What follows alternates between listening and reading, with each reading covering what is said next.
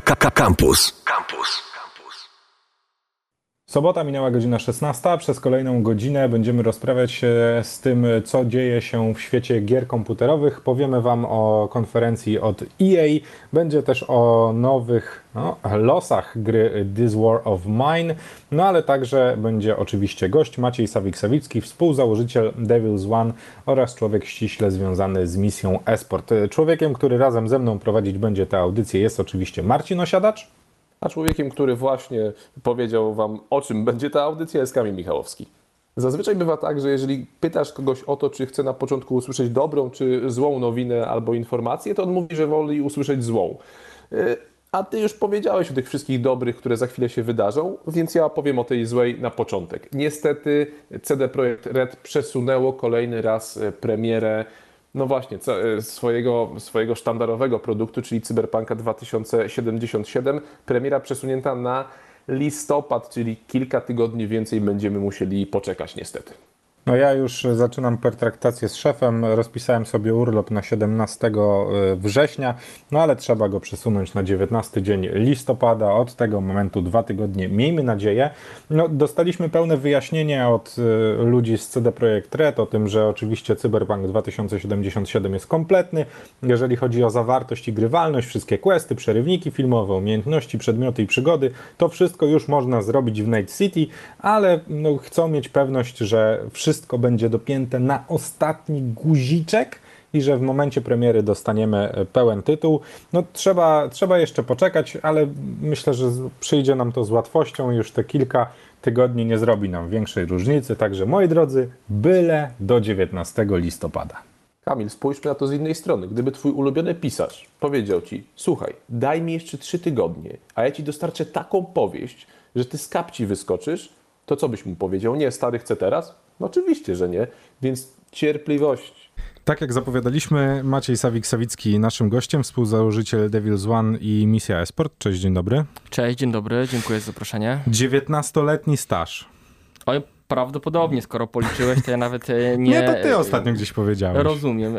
19 e, e, lat. Wybacz za takie słowo, ale czy to jest już esportowy dinozaur? Tak mi się wydaje, że gdybyśmy przynajmniej patrzyli na tą średnią wieku osób zainteresowanych sportem elektronicznym, to może nie byłoby tak źle, ale staż w tym 2000 pierwszym roku jednak tych ludzi, którzy grali i którzy zostali gdzieś w tym środowisku, no jest ich już naprawdę niewiele. W momencie, kiedy ty zacząłeś zajmować się e-sportem i gamingiem bardzo mocno, rodził się twój najmłodszy zawodnik. Tak, gdzieś kiedyś dotarłem do takiej informacji. Się, tak, e, Czajek e, już w tym momencie nie jest naszym zawodnikiem, reprezentuje teraz barwy innej drużyny, ale faktycznie w momencie, gdy zdobywał swoje pierwsze Mistrzostwo Polski w grze League of Legends, jeszcze jako osoba mająca 15 lat, to faktycznie e, tak to wyglądało, jak powiedziałeś. Słuchaj, co w tym momencie jest na tapecie sportowej najmocniej? No pytam chyba tak ogólnie, bo... Dobre pytanie, dobre pytanie, w ogóle pytanie o ranking, jaką przyjąć e, skalę. Dzisiaj wszedłem na portal streamerzy.pl, bo trochę streaming jest taką miarą tego, co popularne. Sprawdzić chciałem, jak wyglądają poszczególne tytuły. Pierwszy League of Legends, drugi Counter-Strike, siódmy Valorant. Właśnie chciałem Valoranta sprawdzić dalej. Świeża sprawa i jeszcze nie zdążyła tak, tak wlecieć. Właśnie, czy siódme miejsce to jest, to jest wysoko? To jest dobre pytanie, dlatego że te oglądalności w czasie bety były bardzo wysokie, ale tutaj został zastosowany bardzo sprytny mechanizm przez twórców, czyli jeśli oglądasz, to możesz wydropić dostęp do bety. W tym momencie wydaje się, że to się stabilizuje. Valorant nie ma jeszcze profesjonalnej sceny. Musimy się umówić, że to, co się dzieje, to jest bardziej taki okres przygotowawczy. Bardzo ciekawie Riot, czyli producent, wykorzystuje fenomen streamerów właśnie. Natomiast nie odważyłbym się powiedzieć, że to jest taki etap rozwoju gry, gdy możemy oceniać, na ile ona jest popularna. A czy to już jest ten moment, w którym powinny zacząć tworzyć się drużyny, które będą, które będą myślały o tym, że no dobra, nikt nie będzie się oszukiwał, to jest po prostu gra zrobiona pod esport. No, to, to, to nie jest tytuł, który ma być taką sobie gierką, tylko definitywnie jest to tytuł mocno esportowy. Apexie ten błąd, czy też może nie błąd, wiele organizacji popełniło. Pierwszy sezon, drugi sezon to był czas, gdy właściwie wszystkie liczące się organizacje na świecie no, w pewnym uogólnieniu ruszyły gdzieś po tą rywalizację. Zawodnicy byli naprawdę wysoko opłacani jak na to, nawet nie tyle jakie nagrody były, bo dla organizacji zawsze jest wtórne, ale jaka była popularność gry, wbrew pozorom te wyniki oglądalności, one nie były aż tak dobre. I z tego co rozumiem, nie jestem fanem Apexa, możesz mnie poprawiać, e, te kolejne sezony to już nie jest ta rosnąca popularność. Więc e, Valorant ma ten ogromny plus, że Riot potrafi robić gry sportowe w przeciwieństwie do EA. Co by nie mówić o EA, to raczej są specjalistami od tego, żeby tego potencjału sportowego nie wykorzystywać, bo być może nie muszą, bo FIFA sama sobie. Więc y, już są organizacje w stylu G2, czyli najlepsze na świecie, które robią podejście pod y, Valorant, ale bardziej na zasadzie pokazania jesteśmy i widzimy i na przykład ruchów w kontekście streamerów, aniżeli profesjonalnych rozgrywek, bo profesjonalnych rozgrywek decyzją Riotu jeszcze nie ma. Czy ty nie, nie myślisz i nie rozważasz w takim razie drużyny walorantowej? Żeby to pole tylko wykorzystać, które się pojawiło. No bo wiesz, to teoretycznie jest taki moment, w którym teoretycznie zawodnicy, którzy myśleliby albo organizacje powinny zacząć myśleć o tym, żeby uczyć się mechanik gry, zobaczyć, które umiejętności, jak działają. Ja to, tak, tak to sobie wyobrażam, nie? że to jest chyba ten moment, w którym Dla testujemy na te gry.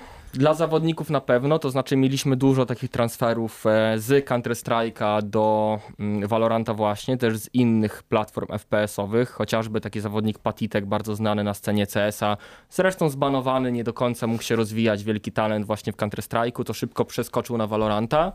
Organizacje mają optykę zależną od sposobu zarządzania budżetem. Jeśli masz organizację małą, która nie ma pieniędzy, to faktycznie warto wejść na tym etapie. Możesz zgarnąć pięciu gości, bawić się w scouting, natomiast na koniec dnia, jeśli dysponujesz jakimś budżetem, to łatwiej ci wejść w sytuację, gdy już wiesz, kto wygrywa i dlaczego.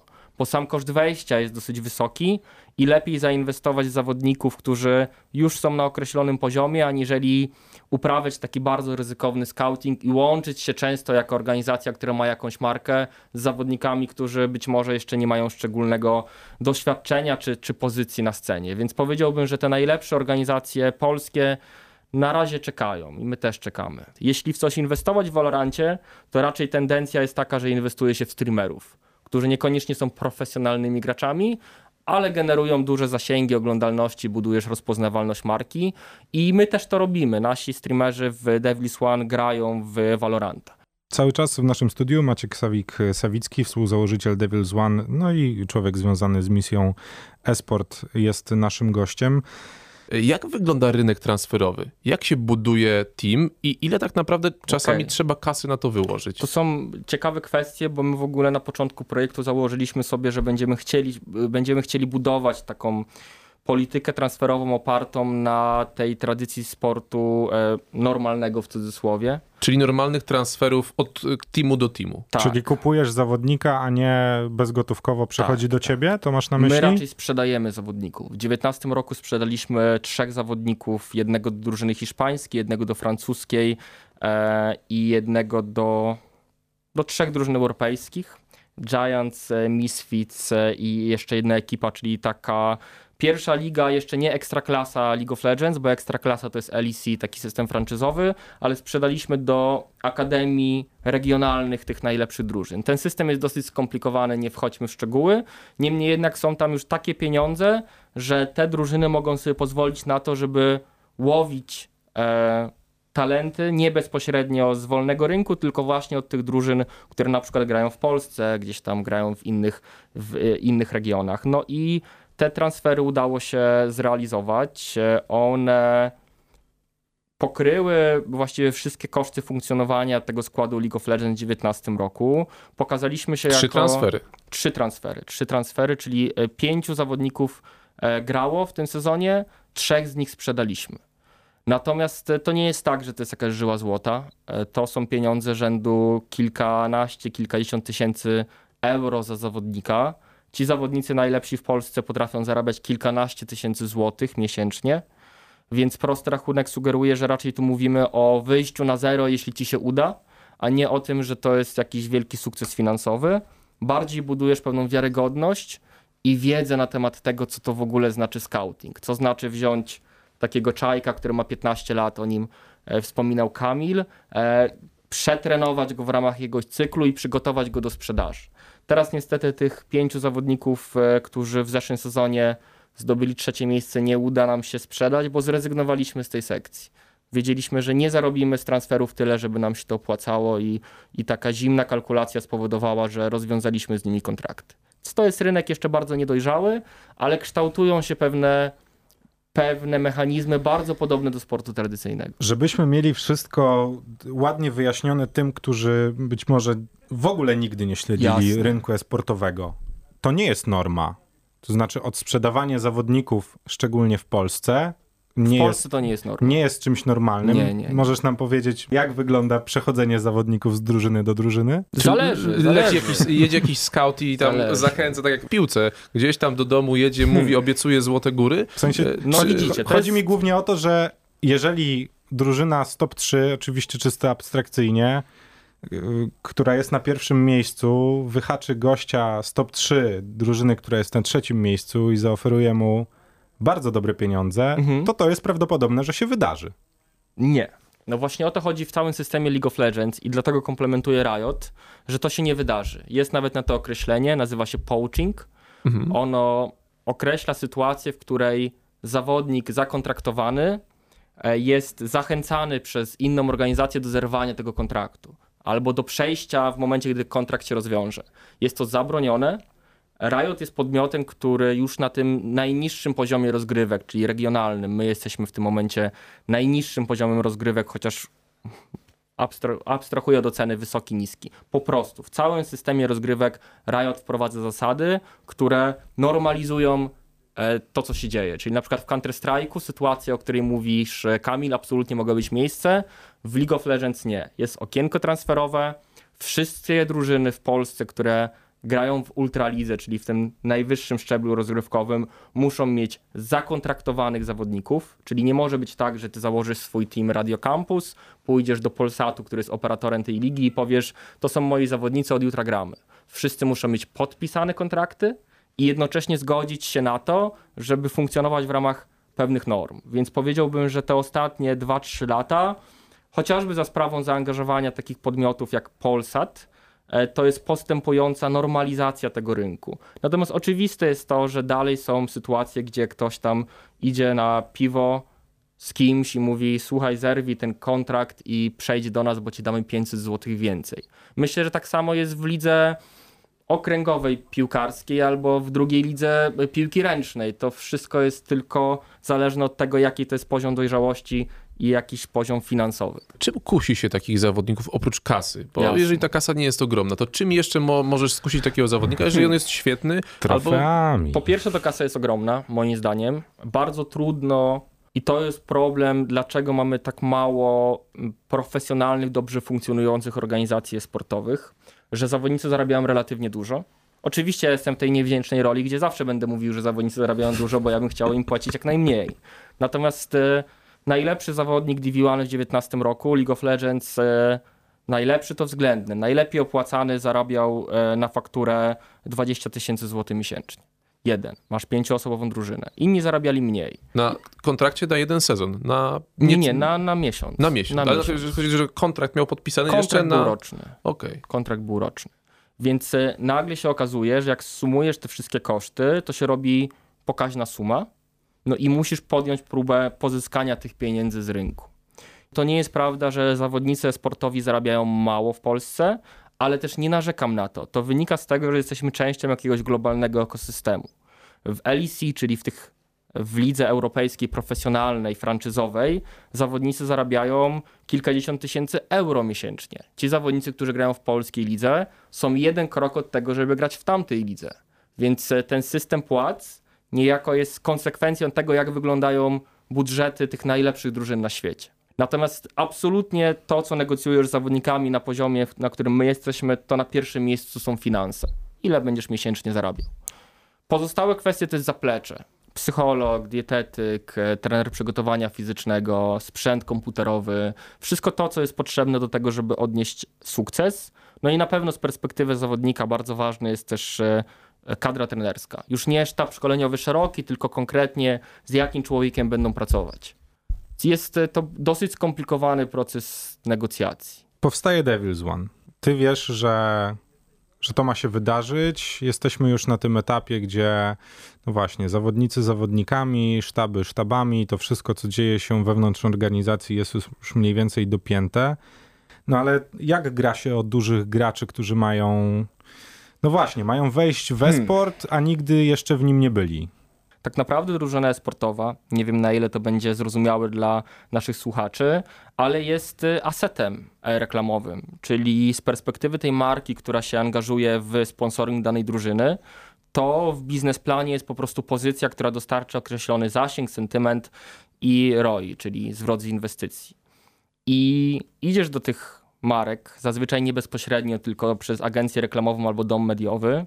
I mówisz im, że w zamian za sponsoring za kwotę X, niech to będzie 20 tysięcy złotych, to już, jest, to już jest dobry sponsoring w Polsce, e, damy wam tyle wyświetleń, e, tyle, e, tyle jakichś asocjacji w mediach społecznościowych, takie lokowanie produktu w telewizji, bierzecie czy nie bierzecie. I albo wezmą to od drużyny sportowej, albo wezmą to od youtubera, albo w ogóle nie wezmą tego od nikogo, tylko nie wiem, wyemitują reklamę w telewizji. Więc y, abstrahując już od całej tej otoczki, którą nazwałeś w ciekawy sposób, mówiąc, że, że jest trochę tego mistycyzmu, jak to obedrzesz z tej wiary w to, że robimy coś wyjątkowego, to niestety, ale esport jest po prostu asetem w mediaplanie, musi się obronić w bardzo bezlitosnym świecie, gdzie wszystko ma performować i dostarczać sprzedaż. Excel na, Excel na końcu ma zgadzać się nie tylko dla was, ale jeszcze Jasne. dla tych, którzy wam przynoszą pieniądze. No tak, jest... tak, zdecydowanie. Skoro mówimy o tych zawodnikach i o sponsorach, to musimy powiedzieć o tym wszystkim, co jest jeszcze dookoła, bo no właśnie, sam powiedziałeś o streamingu, z którego zapewne też da się wyciągnąć jakiś pieniądz dla organizacji. No i co, jest też merch, co relatywnie jest w takim dobrym okienkiem, może jest coś jeszcze, o czym, no właśnie, nie wiem, czy możesz powiedzieć nam, o czym myślisz? Co, Oczywiście. co mogłoby na Mogę końcu powiedzieć- zrobić tak, żeby ten Excel się zgadzał na zielono? Mogę powiedzieć o naszej wizji, jakiejś naszej strategii budowania tego biznesu wokół brandu DV1, bo właśnie tak na to patrzymy. Dla nas e, brand DV1 jest e, czymś, co daje wartość różnym przedsięwzięciom. Mamy na przykład produkt w postaci obozów gamingowych i Sport Skills Camp. Ponad 200 dzieci e, w zeszłym roku wzięła udział w takich obozach. Jest to rodzaj produktu. Podobnym produktem jest merch, o którym wspomniałeś, który ludzie kupują przez to, że lubią DV1 i chcą nosić e, ten emblemat na koszulce, więc e, sama drużyna sportowa jako drużyna sportowa, ona paradoksalnie nie przynosi dużych pieniędzy. To znaczy trudno w tym momencie powiedzieć, że tradycyjny sponsoring rozumiany jako to, że reklamujesz sponsora poprzez umieszczenie jego logotypu na koszulce, że to przynosi jakieś ogromne pieniądze. Raczej należy na to patrzeć na... Te, no, zresztą Słuchajcie, nie, nie jest, to, to, to nie jest e, odkrywanie Ameryki. To samo robi FC Barcelona, która ma swoją nazwę FC Barcelona i potem sprzedaje milion rzeczy wokół tego. E, My robimy zasadniczo, e, staramy się to budować bardzo podobnie.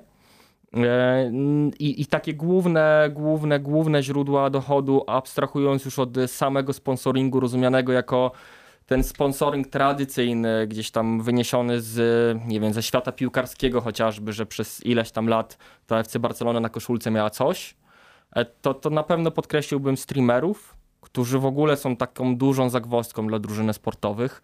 Kim jest streamer? No streamer jest kimś, kto nadaje w internecie swoją grę. Zasadniczo nie musi robić tego na najwyższym poziomie, ale powinien robić to na dobrym poziomie. I problem jest taki, że nagle okazuje się, że przeciętnie grającego w grę streamera ogląda znacznie więcej ludzi, aniżeli mecz twojej drużyny, dajmy na to League of Legends czy Counter Strike'a, w którym grają najlepsi zawodnicy w Polsce. No i tutaj pojawia się mindfuck. Co w takim razie robić? Czy ty w ogóle chcesz robić tą drużynę sportową? Po co? Może lepiej mieć 15 streamerów? Więc y, na koniec dnia ten mistycyzm, o którym ty powiedziałeś, ta otoczka, bardzo mi się to Kamil podobało, ona jest potrzebna, bo łatwo dojść do wniosku, że esport tak naprawdę to nie jest najlepsze miejsce, żeby robić pieniądze. Musisz chcieć robić esport i drużynę esportową, musisz to czuć, żeby to ciągnąć. Jeszcze. Jeszcze, jeszcze zobaczymy jak będzie, oczywiście. Natomiast e, powiedziałbym tylko, że dla mnie osobiście bardzo ważnym, e, bardzo ważną perspektywą jest patrzenie na brand esportowy, na markę sportową jako na markę lifestyle'ową. ale mm, naprawdę większość sponsorów e, nie jest zainteresowana tym, żeby po prostu sponsorować drużynę sportową. Oni chcą wyników mają do tego pełne prawo, to jest zupełnie okej. Excel na zielono. To musimy mieć tego świadomość. Maciek Sawik-Sawicki był gościem w Radio Campus w tutorialu. To Maćku, to życzymy ci wszystkiego. Dziękuję. Wszystkiego, tak. I do Dziękuję zobaczenia bardzo. na serwerach. Do usłyszenia i do zobaczenia. Tutorial. Audycja o gamingu w Radio Campus. No, y, panie Marcinie, okazuje się, że y, czekałem, y, prawie nie przespałem nocy przez, o, można by powiedzieć, konferencję od EA, no ale no, zaskoczeń nie było. Y, Dostaliśmy zapowiedź y, no, nowego eventu w Apex Legends oraz tego, że jesienią gra trafi na Switcha i będziemy mogli cieszyć się crossplayem pomiędzy wszystkimi platformami, jak tylko będziemy chcieli. Zobaczyliśmy zajawkę nowego tytułu Rocket Arena, takiej e, sieciowej strzelanki w formacie 3 na 3 Dostaliśmy, no, można by powiedzieć, że mogliśmy polizać przez szybkę FIFA 21 oraz Maddena 21, no bo tam zbyt wiele się nie wydarzyło, poza tym, że mogliśmy zobaczyć mały przedsmak tych next-genowych wersji. No był też delikatny teaser Dragon Age'a i Battlefielda, o tym w ogóle nie będziemy mówić, bo nie ma o czym. Według mnie no, jedną z najciekawszych rzeczy, jaką dostaliśmy od EA jest zapowiedź nowego projektu z serii Skate. Po Skate'cie pierwszym, Skate'cie drugim i Skate'cie trzecim no jakoś ten projekt upadł, ale jest szansa, że już niedługo wskoczymy na deskorolki. No, niedługo. No, czy niedługo to się okaże, ale najprawdopodobniej Skate 4 już w tym momencie e, jest w trakcie jakiegoś opracowywania. Czy było coś, co tobie się rzuciło no, w oczy? No, znaczy ja wiem, co to było, ale mów.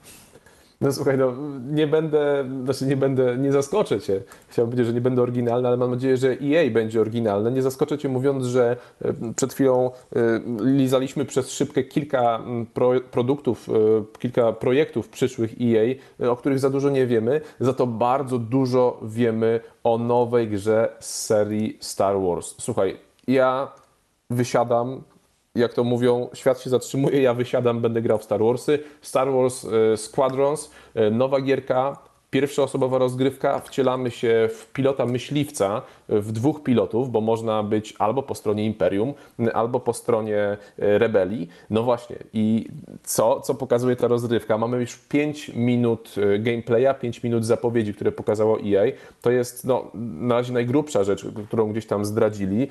No, a rozgrywka szykuje się sroga, jakby to nie, inaczej tego nie ująć, e, dlatego że już wiemy mniej więcej, jakie tryby się pojawią. Będzie tryb wieloosobowy, e, będzie tryb kampanii. E, Co więcej o Star Wars Squadrons. Na pewno będą dwa tryby rozgrywki, które mogą sporo namieszać w grze wieloosobowej. Dlatego, że wprowadzono coś takiego jak Fleet Battles, czyli bitwy flot. My wcielamy się w jednego z wielu, wielu pilotów, myśliwców i nasza flota ściera się z flotą przeciwnika. Zazwyczaj oczywiście chodzi zazwyczaj o rebelię i o e, imperium. Musimy zniszczyć mm, flagowy statek e, przeciwnika, no i oczywiście robimy to online, więc każdy statek to jest jeden gracz, e, każdy gracz to są inne umiejętności. To można powiedzieć, że to będzie taki battle royale, tylko że nie każdy na każdego, no tylko właśnie ogromna flota na ogromną flotę. To jeden z trybów, który mm, już zapowiedziało EA, a drugi to dogfight, czyli no, taka klasyczna rozgrywka 5 na 5. Tu też e, będziemy grali online. No a oprócz takiej ogromnej rozgrywki, która mo- może przynosić naprawdę dużo fanu, pojawia się też fabuła. Fabuła, kampania, w której, właśnie, w której można wybrać między stroną Imperium albo stroną rebelii. Losy dwóch pilotów, którzy latają po dwóch stronach konfliktu, mogą się e, przeplatać.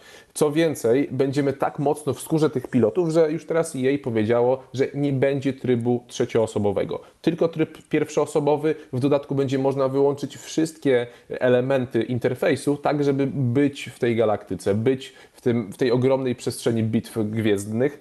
No więc słuchaj, ja już, jak to mówią, zabezpieczyłem środki, zabezpieczyłem czas i czekam. Mnie najbardziej e, ciekawi to wszystko, co będzie działo się dookoła, czyli to, jak będziemy i czy będziemy mogli zdobywać jakieś poziomy, co będziemy mogli ulepszać, jak zmieniać nasze statki, czy każdy będzie wyglądał tak samo, czy nasz może być wyjątkowy. To jest ta, ta opcja, która najbardziej mnie fascynuje. No ale na Star Wars Squadrons przyjdzie nam poczekać, no nie tak długo. Drugi dzień października tego roku. Już będziemy mogli haratać w nowe Star Warsy. To jest Radio Campus. Cały czas słuchacie audycji tutorial od graczy dla graczy. No właśnie, nie tylko dla graczy, jak się okazuje, a też dla uczniów e, wszystkich liceów, e, dlatego że jedna z gier, polska gra, weszła po raz pierwszy w ogóle w naszej, w naszej historii, weszła do kanonu lektur. Rzecz naprawdę nietypowa. Chodzi o grę This War of Mine, grę, która sporo namieszała y, na rynku.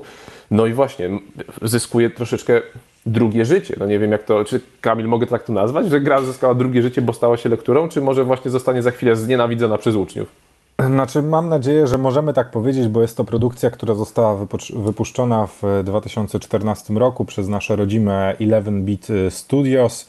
E, no i e, cóż można powiedzieć, jest to porozumienie, no właśnie, pomiędzy firmą 11-bit a e, Wsparciem prezesa Rady Ministrów i Ministerstwa Edukacji już od roku mm, szkolnego 2020-2021 This War of Mine zostanie umieszczona na liście lektur szkolnych dla uczniów szkół średnich. No i będzie lekturą przeznaczoną oczywiście dla osób pełnoletnich z racji tego, że ten produkt w większości krajów, w których jest dostępny ma klasyfikację wiekową od 18 lat. No a z racji tego, że uwzględnia bardzo Hmm, ciekawą tematykę będzie wpisany do spisu lektur, um, który będzie wspierać przedmioty humanistyczne, takie jak socjologię, etykę, filozofię czy historię. No i warto też dodać, że będzie mm, ta gra dostępna dla wszystkich polskich szkół średnich bez dodatkowych kosztów. Y, warto tu jeszcze zaznaczyć, że spis lektur i spis lektur obowiązkowych to dwie zupełnie różne rzeczy. No właśnie, więc może oczywiście dojść do takiej sytuacji, że nauczyciel, który i tak nie wyrabia się z tymi lektorami podstawowymi, no ostatnią rzeczą, jaką, po jaką sięgnie, będzie gra komputerowa, bo będzie miał wiele, wiele książek, a nie przyzwyczajony do takiej sytuacji może stwierdzić, nie no, gdzie mi jakąś tutaj gierkę będziecie jeszcze wciskali, jak ja mam e, tyle książek do przerobienia. No właśnie, tu pojawia się problem, dlatego że nauczyciele, którzy i tak nie wyrabiają się z normalnymi lekturami, już nie mówiąc o tych e, nad, nad e, obowiązkowych, obowiązkowych, nieobowiązkowych, no, mogą po prostu po tę grę nie sięgnąć. I tu pojawia się rola uczniów, pojawia się rola rodziców, bo ta gra, która opowiada o życiu cywila w trakcie wojny, trzeba sobie poradzić z perspektywy właśnie takiego cywila, przeżyć te, te wszystkie okropności, które dotykają człowieka, no jest naprawdę mocnym doświadczeniem. Czasami wydaje mi się, że bardziej wartościowym niż niejedna książka.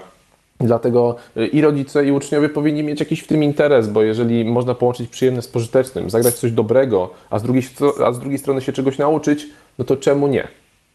No, tu jest pole do popisu dla wszystkich dydaktyków, żeby wyciągnęli z tej gry to, co może im się przydać i potem przerobili to ze swoimi uczniami.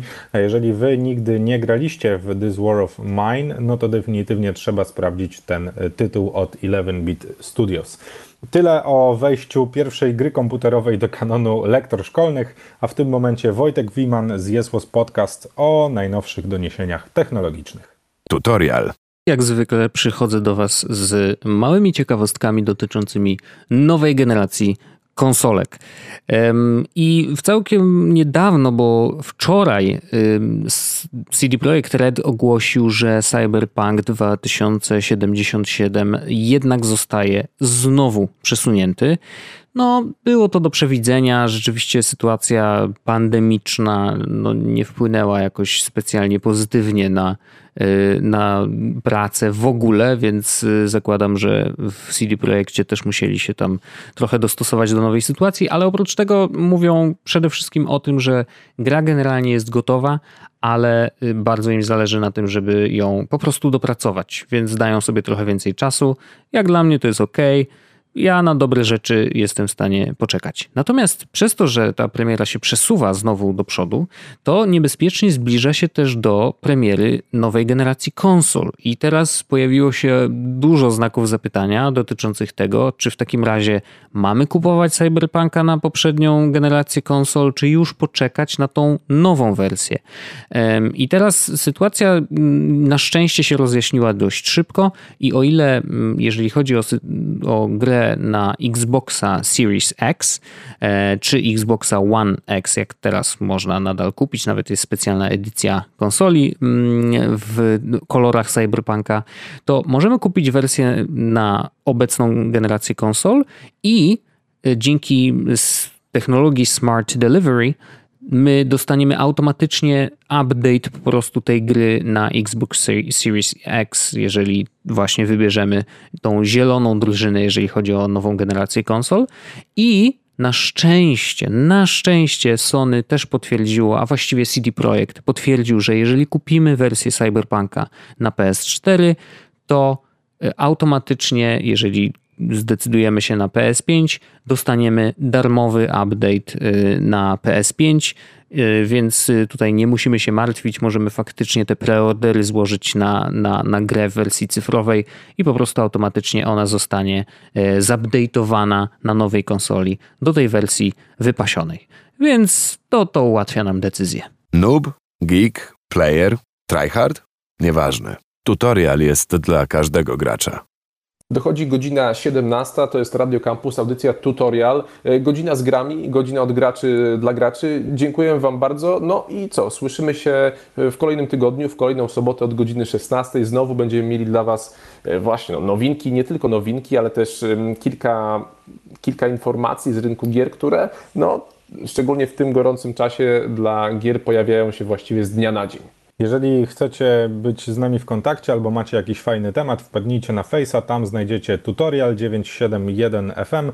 Tak możecie się z nami skontaktować, a jeżeli chcielibyście wrócić do jakiegoś naszego odcinka albo do tego, bo na przykład dołączyliście w połowie, to wpadajcie na Spotify'a tutorial, tam też nas znajdziecie ze wszystkimi archiwalnymi numerami. Marcin Osiadacz? I Kamil Michałowski. To my z Wami przez tę godzinę rozprawialiśmy o grach. Wracamy w tutorialu oczywiście w przyszłym tygodniu. Do zobaczenia. Na serwerach Radio Campus. Same sztosy.